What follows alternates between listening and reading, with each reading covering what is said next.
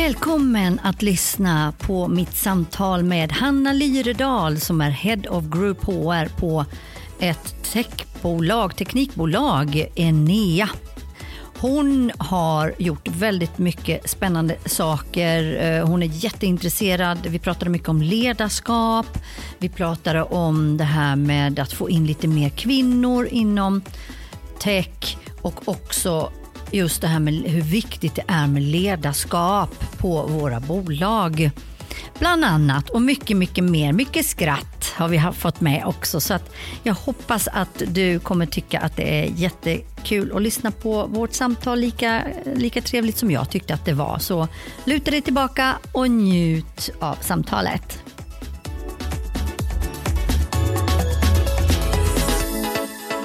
Välkommen hit Hanna Lyredal. Tack snälla, så fantastiskt roligt att få vara här Susanna. Ja, men jag tycker det är roligast tror jag. Du är Head of Group HR på ett bolag som heter Enea. Det ska du alldeles strax få berätta lite om. Du har också bland annat varit HR-chef inom läkemedelsindustrin och du är också utbildad gruppträningsinstruktör, för du är väldigt intresserad av det här med eh, hälsa och um, hålla sig uh, frisk. Eller hur? Ja, jo, men det stämmer jättebra. Det är en av mina huvudintressen tänkte jag säga, på fritiden. Så, ja. så jag försöker hålla igång och vara aktiv. Ja, vad härligt. Jag hittade ju dig Hanna, på ett lite speciellt sätt på LinkedIn. Eller ja, Jag såg det. ett inlägg som du la in och jag vet inte hur många likes du fick. Ja. På det? Vad var, hur mycket? Ja, men det, var, det var ju faktiskt helt galet nästan, om man får uttrycka sig jo. så. Jag tror att det var någonstans över 7500 likes eller något liknande. Så att...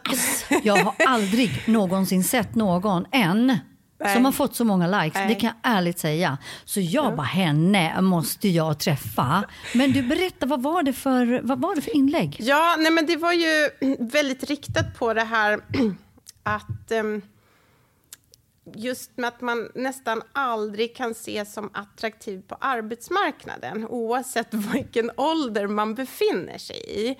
Det finns alltid någonting som tar, alltså är till ens nackdel. Antingen att man inte har utbildning eller så har man inte erfarenhet eller så kanske man är i liksom en ålder där man tänker sig att föda barn och sen har man småbarn och vabbar. Det är följt av att till slut så är man för gammal ungefär, alltså nu lite förkortat så. Ja. Um, så frågan som liksom poppar upp i mitt huvud då, men när... När, när är jag liksom, good enough? Precis. Um, så oh. att, um, det är tydligen så att det är många som känner igen sig i den här beskrivningen, även om jag raljerar lite grann naturligtvis. Ja. Men, men vet du, jag som är i rekryteringsbranschen, ja. du raljerar inte. Det är det som är faktiskt grejen i ja. det här.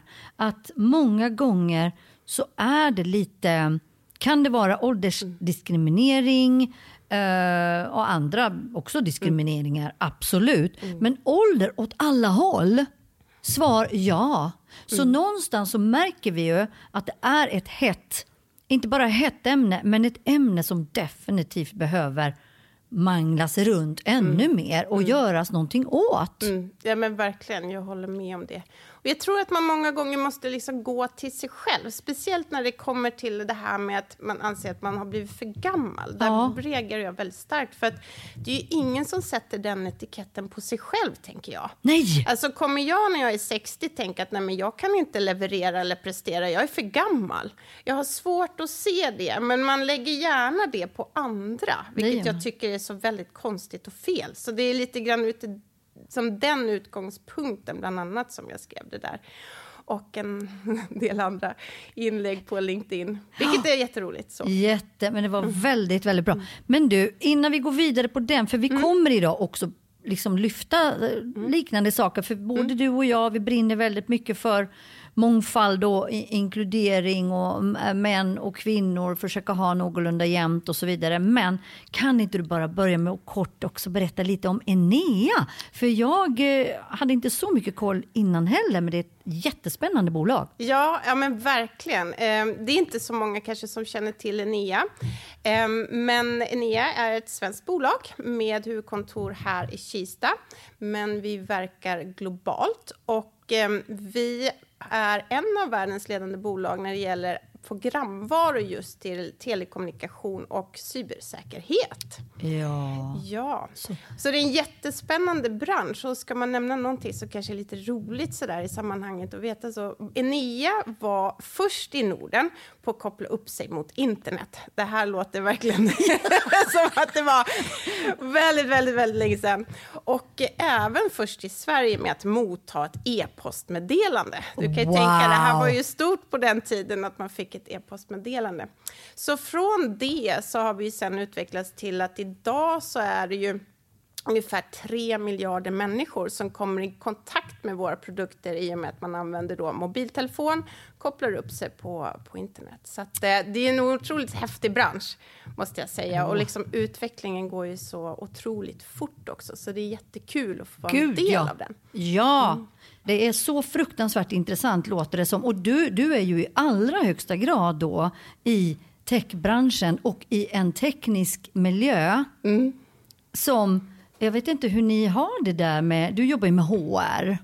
Där ja, nu. Ja, men precis. Ja. På ja. groupnivå. Mm. Men du, jag hör ju, du låter väldigt, jag har pratat med dig tidigare, upplever dig som väldigt framåt och väldigt eh, om dig och kring dig. Men, nu kommer lilla men. Du har inte alltid varit det. Eh, nej, nej, verkligen inte. Verkligen inte. Det stämmer ju så. Jag det varit... måste du berätta om, för det här är sån transformation tycker jag. Och du har verkligen lyckats. Berätta. Ja, ja nej men jag, när jag växte upp så... Jag tror att om det är någon i min, min klass som skulle beskriva mig, om man kanske kommer ihåg mig överhuvudtaget, så skulle det vara just den här osäkra, rädda tjejen som absolut inte ville säga någonting alls på lektionerna. Blyga. Så, ja, men verkligen. Jag gjorde nog allt för att liksom inte synas och höras. Och hade enormt dåligt självförtroende. Och en annan sak som jag har tänkt på sådär efteråt var också att jag hade satt mig liksom en, själv, en stämpel på mig själv, ska jag säga. Mm. Att, eh, jag nog också dessutom var osmart. Så att jag hade liksom både den här blyga och tänkte att ja, men jag kan inte lika oh. mycket som alla andra. Så. Nej.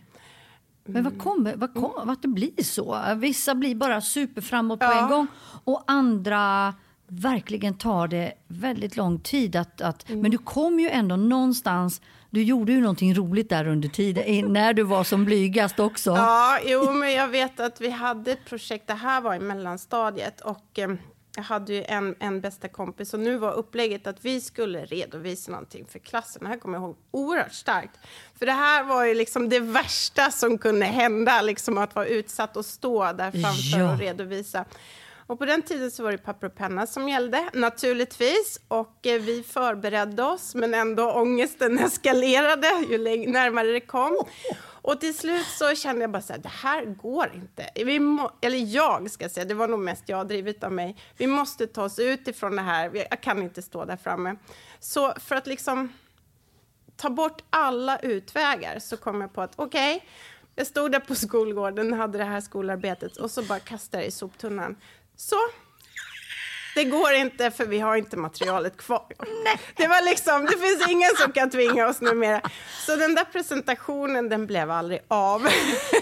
Åh, oh, herregud. Um, så att, så därifrån Men vet du, du, du ser alla hitta sina strategier för att typ mm. lite överleva. Mm. Mm. Och det var din strategi. Du gjorde ju i alla fall ja. det. Du gjorde ju något åt det istället ja. för att stå och få skräck. Mm liksom blir helt stel av skräck där framme. Ja, men, men, eh, men, men, du, men sen så hände ju lite grann. Och det här är ju också, nu, nu kanske vet jag inte hur många av våra lyssnare som kanske har just sån här riktig blyghet och osäkerhet. Men att man ändå, du hade ju ändå styrkan. Uh, någonstans så kom den ju ifrån att du mm. tog ju tag i det här. För du förstod mm. Mm. att du var, det, det blir inte hållbart i längden. Eller hur? Nej, nej men precis. Och framför allt så kände jag ju att det här är ju egentligen inte jag. Nej. Jag vill ju någonting annat.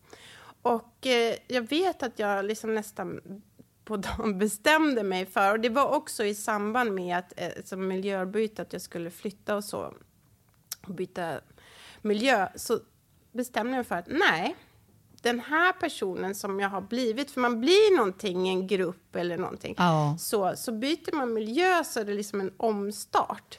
Och där bestämde jag mig för att jag ska inte vara den här personen längre, utan nu ska jag liksom ta för mig och egentligen vara den mer som jag är. Ja. Eh, sen är det ju alltid en sån lång resa. Det här går ju inte från Ja. dag till dag.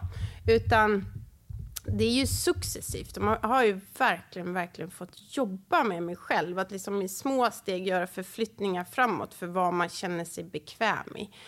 Och så. Just det. Så att, ehm, Jag förstår det. Och även, du berättade faktiskt även för mig att eh, till och med det här, den här podden, att det var ju väldigt mycket, eller är ganska mycket utanför din normala comfort zone. För jag menar, du är ju inte kanske där fullt ut eh, fortfarande. Du, du får ju säkert kriga ibland, även när du ska vara, kanske göra saker som inte du brukar göra. Men, Ja. men du gör dem. Ja, ja men precis. Och det är nog lite skillnaden. Och du Ja. hade ju så rätt i det. För att det är ju det är en sak. Jag har lärt mig hantera det ganska bra skulle jag säga just när det gäller den professionella delen. Ja. Att jag, jag kan gärna hålla presentationer, prata inför andra, instruktör och tycker jättekul att köra liksom olika pass och, och så. Eh, men när det kommer till mig privat, då tycker jag att det är en helt annan sak. Jag är oftast inte bekväm med att liksom, ja, men såna här saker som att ha stort födelsedagsfest. Det är inte jag. Jag kommer vara den här som du vet skicka in i tidningen på den tiden. All, all eventuell uppvaktning undanbedes. så om det finns någon sån möjlighet kvar när jag fyller jämnt så. Ja men gud vad lustigt. Ja. men det är absolut, det är olika. Du vill inte vara i centrum helt enkelt. Nej. Så, på det viset. Men är det för att när man är, när det är professionellt då är man också förberedd på ett annat vis. Och det kan man också hantera tror jag på ett annat vis. Men när det kommer till den här personliga biten som är en väldigt nära, man är sårbar på ett annat sätt, då blir det svårare att hantera ibland. Jag kan hålla med om det. Ja, men jag tror du har så rätt i det. Eller hur? Ja, verkligen. Nu när du säger det så låter det väldigt klokt. Nej men faktiskt, jag tror att det är, vi är så måna, vi är rädda om, om vårt liksom, djupaste på ett annat sätt. Det här professionella det kan vi alltid på något sätt hantera. Eh, men, eh, men kom inte för nära. Men vet du, jag, kan, jag skulle aldrig säga det om dig om inte du hade berättat det för mig. Det här är helt ärligt Hanna. Aldrig någonsin från första gången vi har pratat till den här gången när vi sitter framför varandra just nu. Så du, antingen hanterar du det otroligt bra eller så har du liksom verkligen blivit den du vill vara. Eller ville vara hela tiden. Ja, nej, men det, kanske, det är nog en kombination, tänker jag. Ehm, en sak som jag har som en lite så här mantra som jag tycker är så klokt är faktiskt den här... Det finns ju något som heter fake it till you make it. Ja, Alltså om du inte har självförtroendet eller om du liksom känner att du inte har kunskapen, ja men låtsas som att du har den då. Men gör det liksom fullt ut, för gör man det bara lite grann, då kommer det liksom slå Yes. igenom. Ja. Men jag har nog lärt mig att liksom, gör ja. och kör. Ja, men vet du, då har vi samma. För mitt är ju, min lilla, som jag brukar säga ofta, det är ju det här vanliga, det är ju ett annat stort eh, idrottsmärke som säger det. Men det är ju Just Do It. Ja, men eller hur? Den är också bra. Just do it! Ja. Eller hur? Och, och sen tänker jag så här, vad kan gå fel? Det är ju inte så mycket som kan hända. Nej. Nej, men verkligen. Man kan ju faktiskt, det är en bra tanke, om det är så att man möter någonting som man tänker så här, oh, det här känns jobbigt. Eh, ja, men vad är det värsta som kan hända då? Oftast är det inte så farligt. Och du, du, du använder dig av ett annat citat som du har berättat för mig. Som, eh, eller hur? Som går i linje med det här. Kommer du ihåg eller ska jag säga det? Ja, du får gärna dela. Om du vill göra något men inte vågar så är det precis det du ska göra. ja. Det sa du sist vi pratade. Ja. Och det är, alltså det, jag älskar det.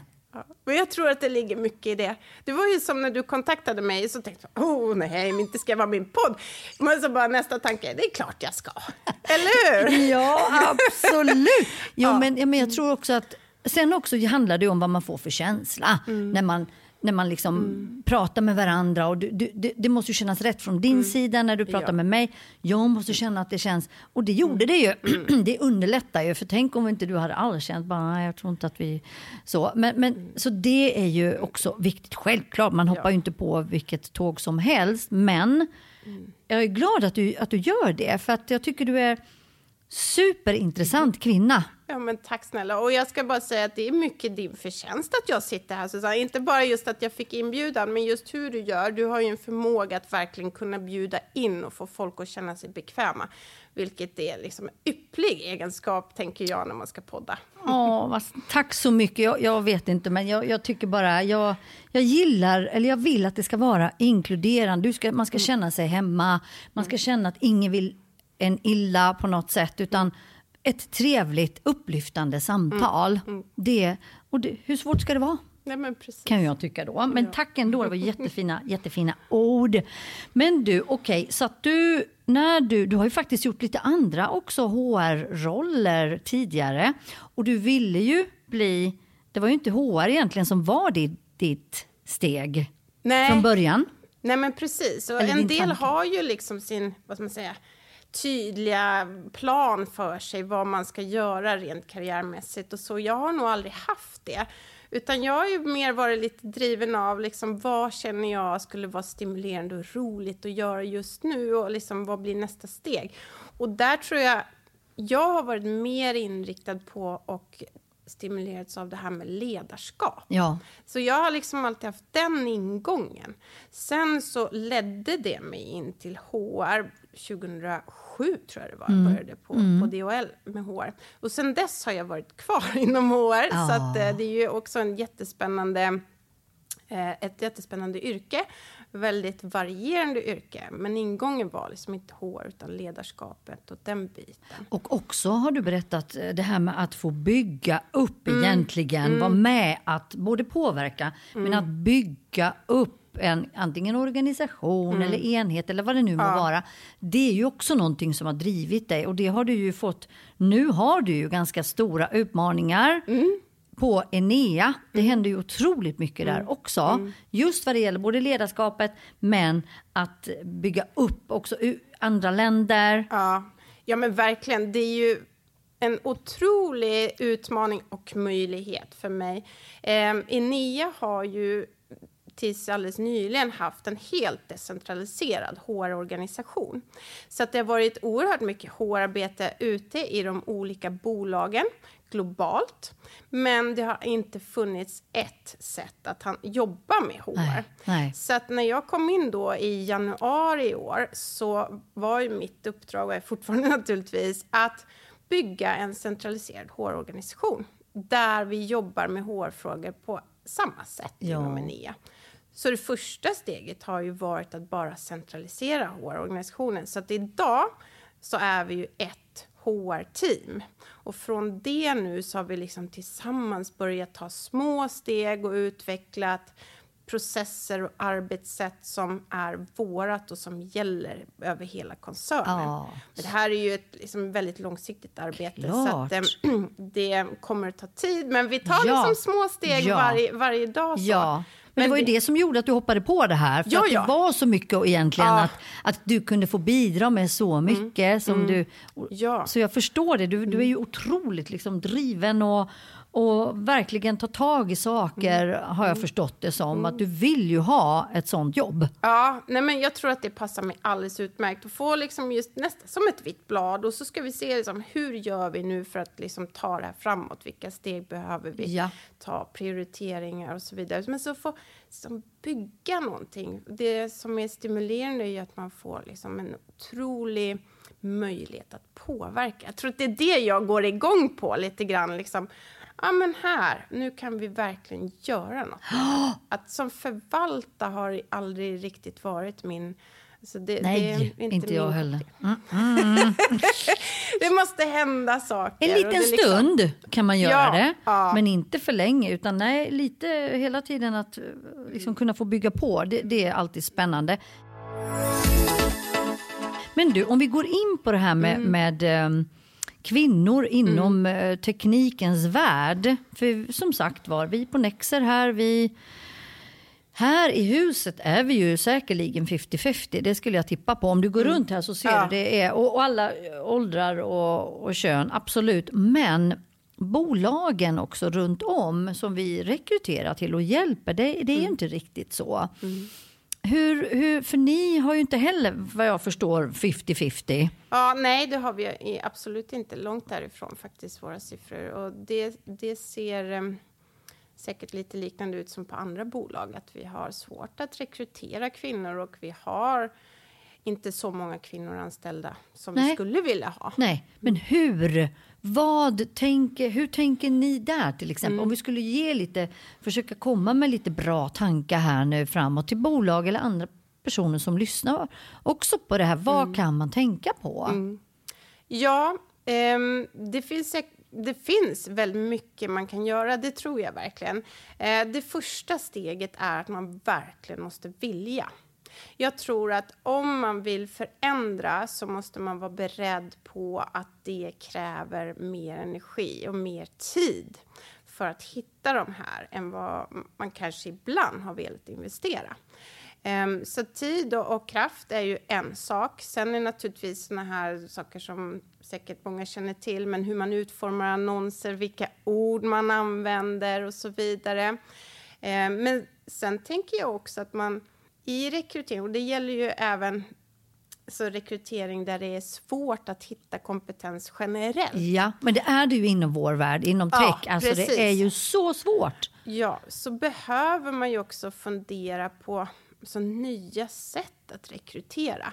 Eh, jag tänker, nu, nu har inte vi kommit så långt så att jag kan säga så här har vi gjort och lyckats, för vi är precis i uppstarten att sätta liksom en rekryteringsprocess gemensamt. Men jag tror att man måste liksom våga utmana sättet man tänker kring rekrytering. Det räcker inte att man gör samma, jag brukar säga det, men det är den här klassiken igen.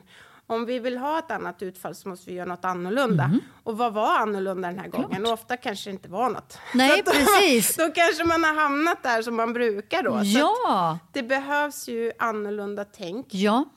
Ehm, det finns ju också viktiga aspekter att tänka på. Jag tänker just nu när vi har den här um, man har jobbat mycket hemifrån och hybridkontoret, de här väldigt aktuella delarna.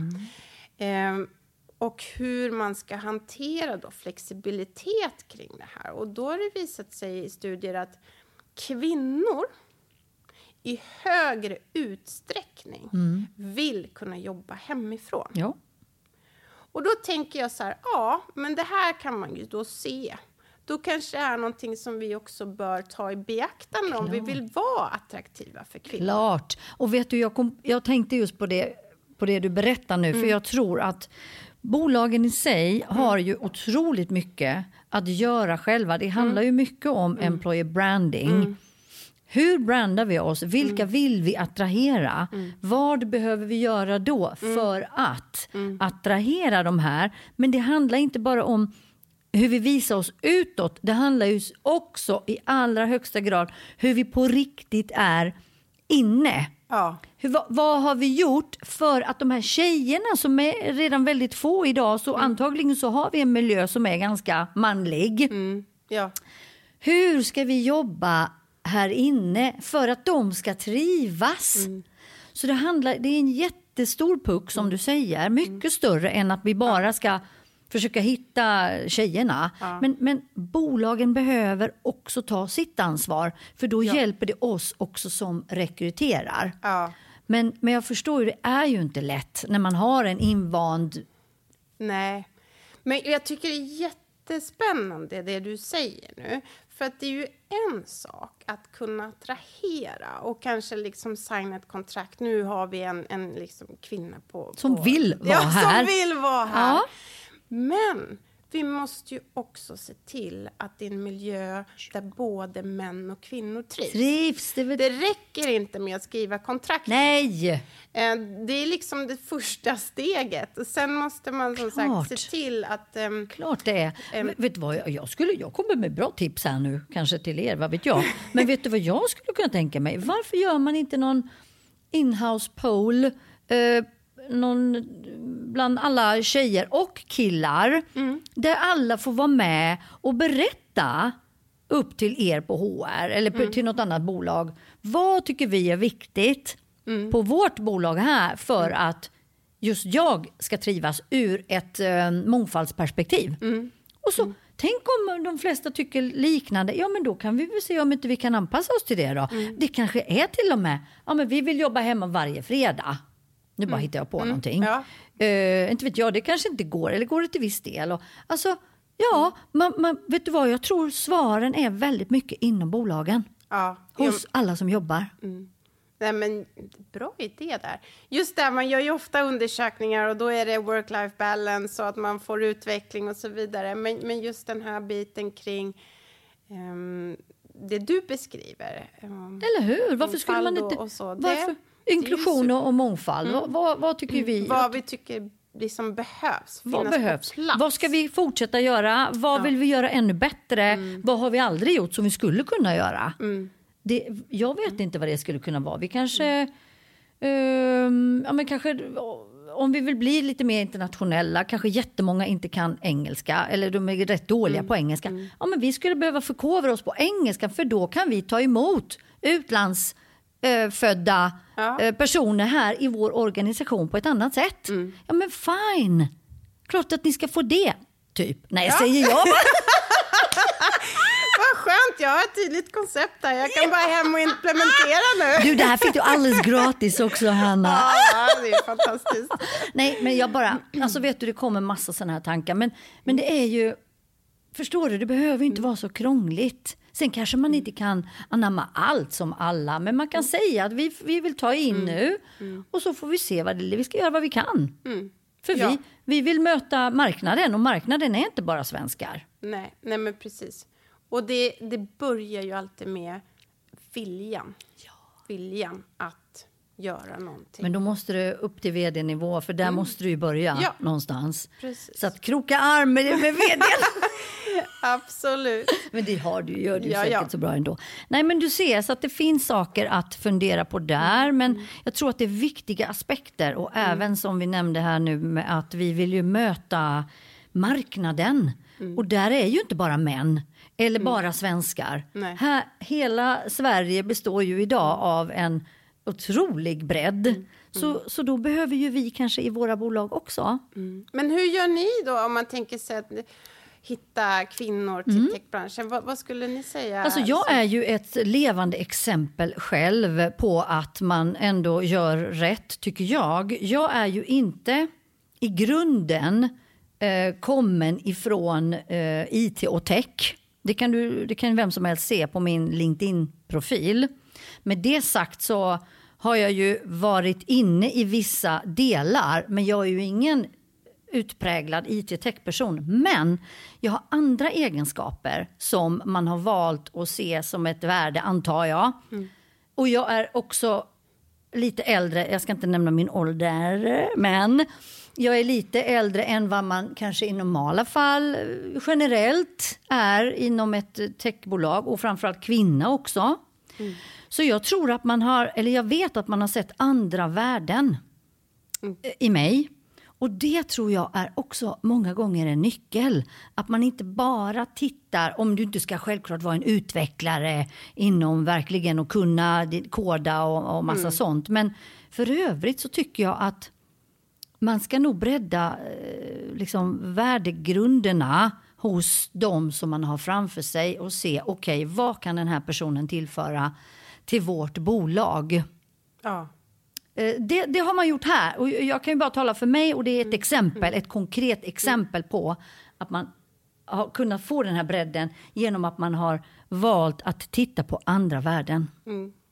Ja, som tillförande värden. Ja. Ja, men det är ju Ja, vad behöver vi ha in nu? Vi kanske behöver ha in lite mer. Jag vet inte om de har resonerat så, men det skulle kunna vara. Vi kanske behöver ha in lite mer senioritet. Eh, Vi kanske behöver ha in lite mera eh, inte, inte ledarskap, men alltså eh, jag utbildar också inom HR och coach och kanske mera en, en, en sån typ av person i vår organisation. Ja, men då har man anammat det. Eh, ja. Ja, nej, men det är ju så spännande det där, för jag, jag drar direkt paralleller till det här med att man ofta vill ha någon som är stöpt i samma form. Mall, absolut. Ja. och sen sitter alla där i, stöpta i samma form. Och sen så, så kommer vi till att nu behöver vi tänka nytt. Ja. Och det där går ju... Det är inte så lätt då, tänker jag. Utan man har ju liksom byggt förutsättningar för, för att det ska ungefär vara precis som det alltid har varit. Ja. Ehm. ja, och det är därför man ska också ha rekryterare. Om man nu ska jobba med rekryterare, då måste man också ha rekryterare som vågar utmana dig i den här frå- till exempel den här frågeställningen. Eftersom vi är då eh, vi är ju inte, inte drillade, men vi är ju uppfostrade här att se hela det här perspektivet. Och det innebär att det kommer ju också automatiskt generera ut till våra kunder. Och, och det får man helt enkelt vara beredd på. Vi är inga bara ja-sägare, men vi är bra-sägare. Vi är bra sägare. Den, den ska jag ta med mig. Eller hur? Ja. Att det blir bra. Det är någonting som ska bli bra. Så.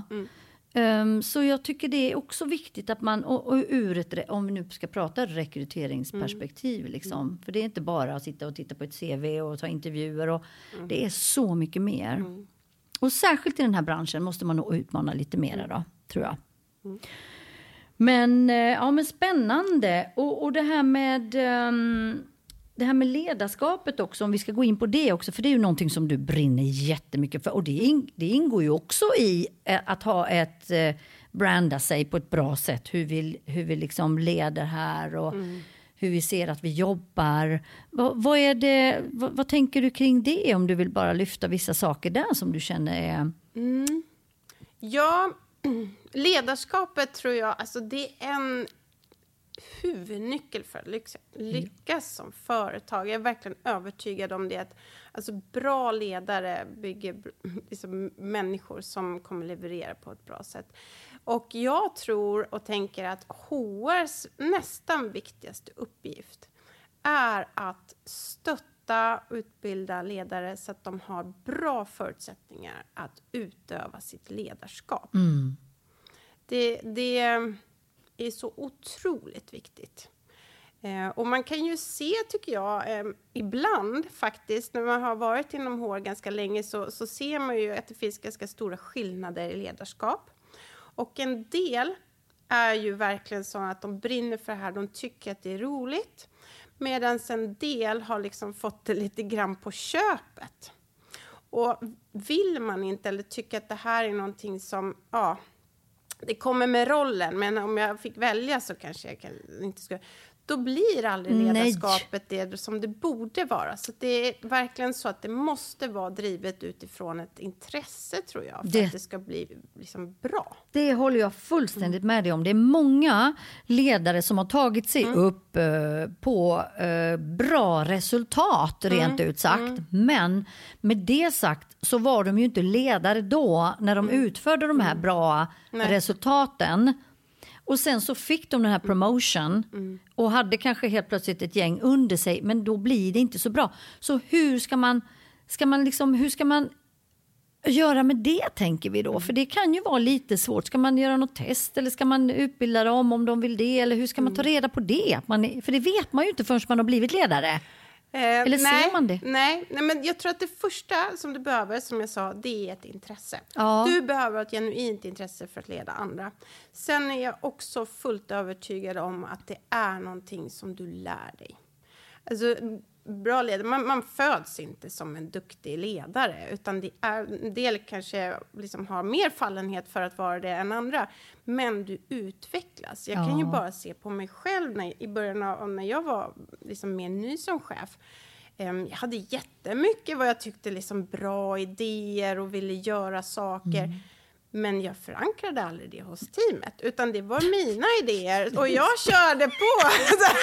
ja. Och nu idag så kan jag tänka så här, men varför sa ingen någonting? Nej. Kunde man inte bara fått lite coach eller liksom du vet så här, Hanna, det här som du ska göra nu, det är superbra.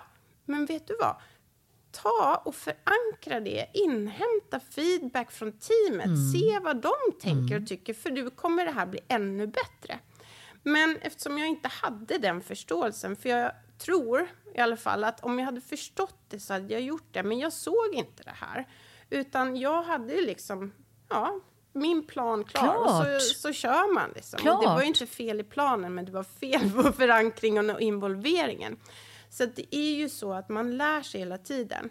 Och där måste ju chefer och ledare få utbildning, men också, tänker jag, Alltså det är Coaching. coaching. Ja. Bara någon som liksom man kan bolla ledarskapsfrågor. Och det tycker jag att det finns alldeles för lite av Ja. idag. Ja. N- lite raljerande ändå kanske, men, men ändå så är det ofta så att ja, men nu, grattis, nu har du blivit chef här. Ja, visst. och så lite grann lycka nu. till. Ja, lycka till. Ja, ja, ja, ja, ja. Ehm, och så förväntas man nästan liksom att ha alla kunskaper och det här verktygen fast man är helt ny på rollen. Och Nej. det ser liksom inte riktigt så ut. Och tyvärr så misslyckas man ju då. Det har ju, så jag har fler exempel än ett på hur jag själv har gjort det. Ja, och vi har ju haft chefer också Ja. som kanske inte har varit helt hundra. Ja, Ju. nej men precis.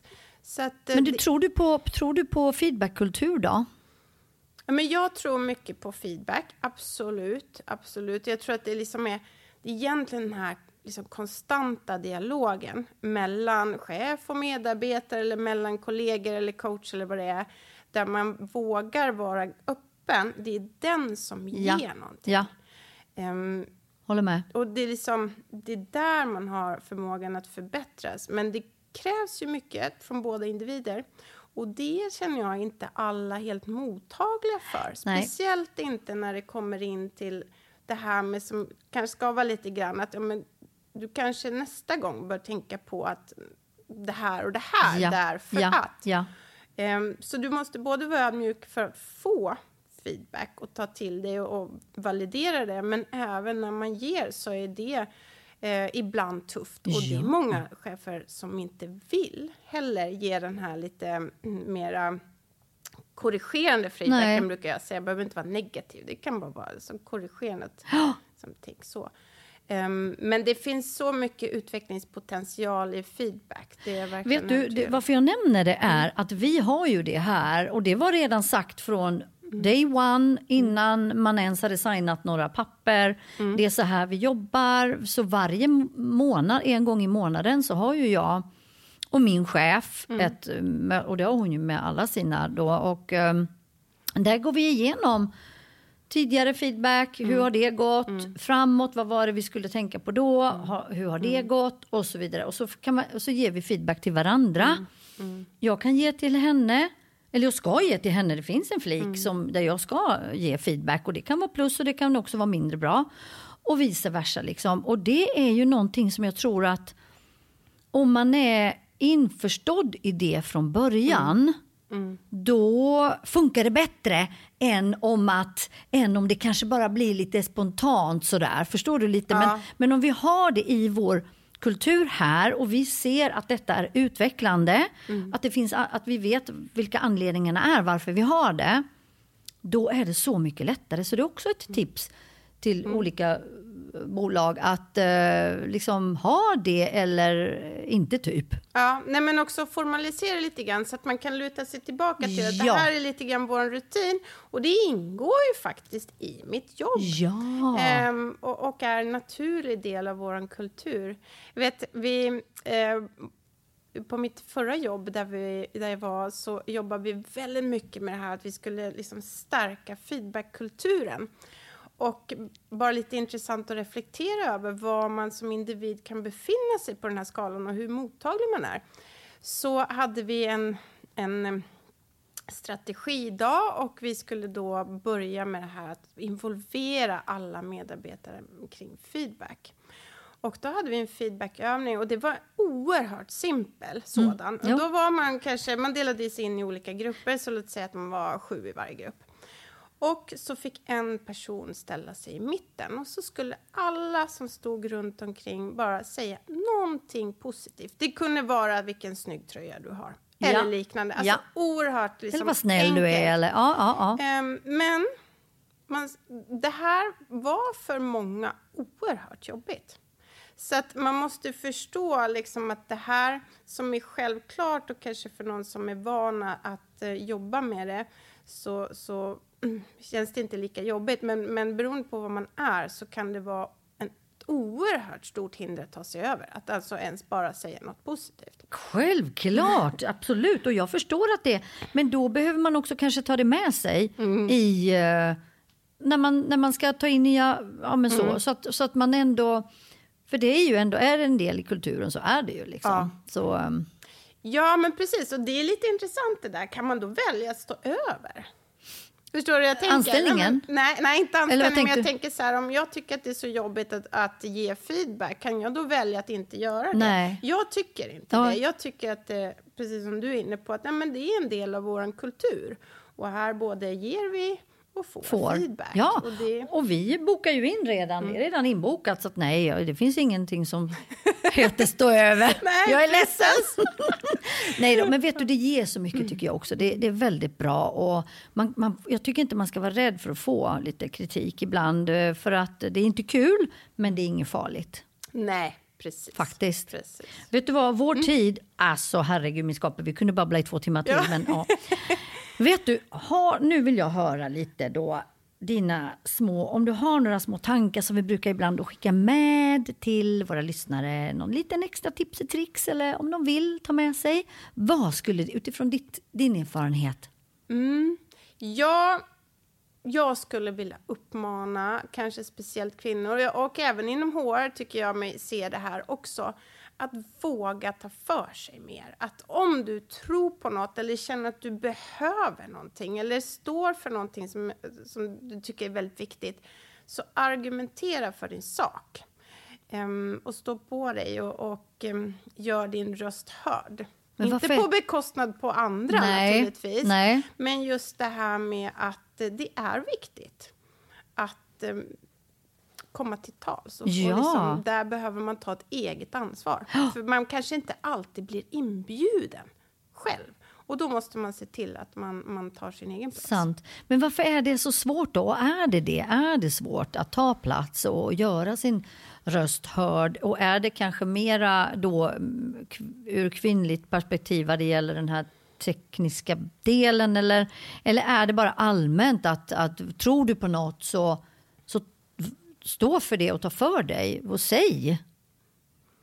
Ja, jag tror att det kan vara, kan vara två olika delar. Ja. Det ena är ju att man kanske tror, alltså rent värdemässigt så är det här viktigt för mig. Men man måste också kunna konkretisera det. Och jag tror ibland upplever jag att man måste lära sig att argumentera.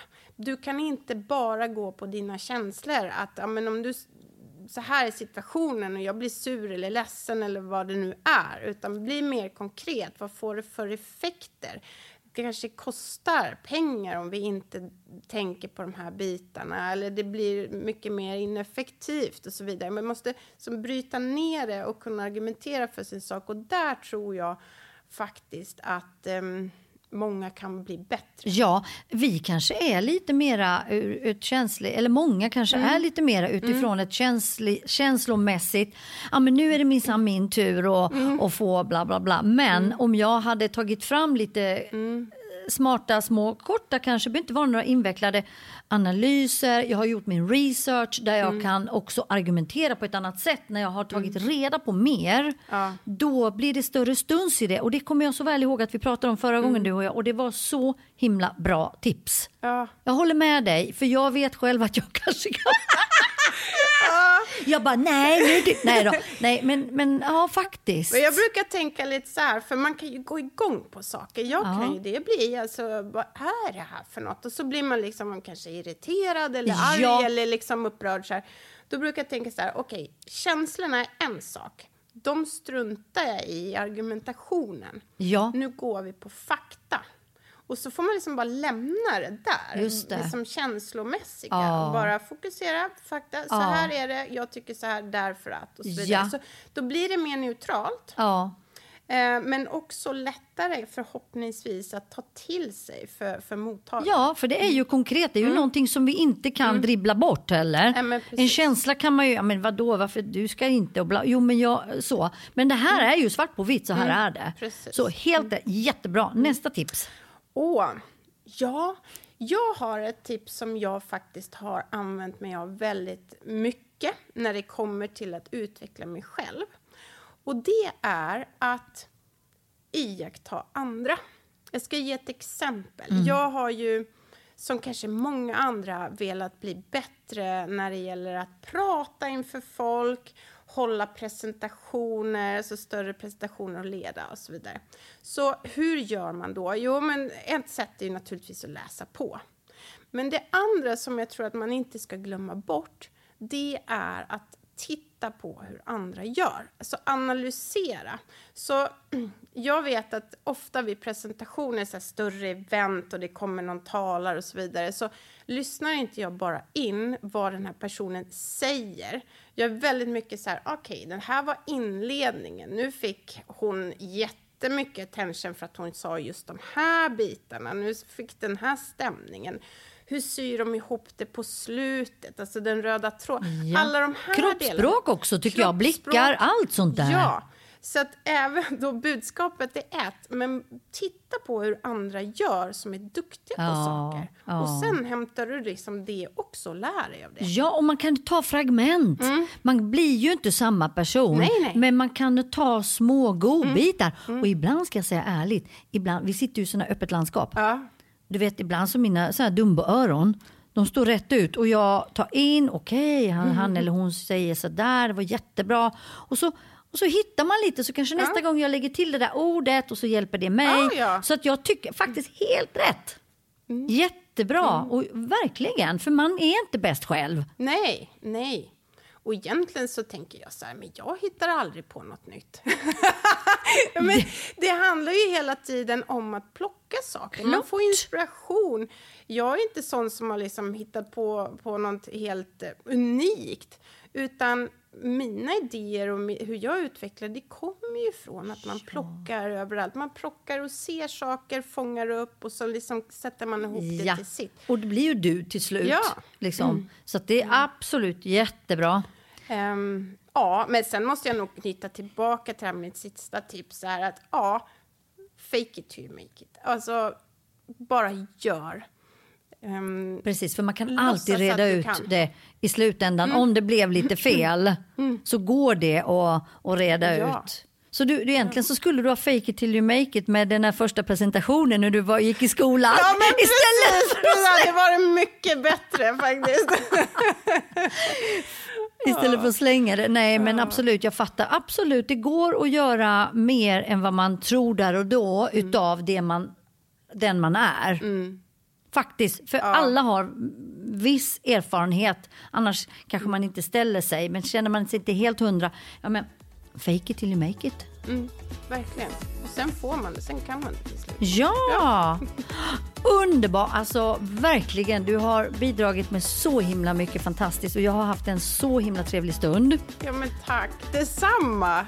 Verkligen kul att få vara här. Verkligen, och vi, vi får lära känna dig lite mera och jag hoppas att våra lyssnare också, vilket jag är säker på att de kommer älska att lyssna på dig. Så tack så hemskt mycket Hanna för att du tog dig tid att komma hit. Ja, tack Susanna, kul att vara här.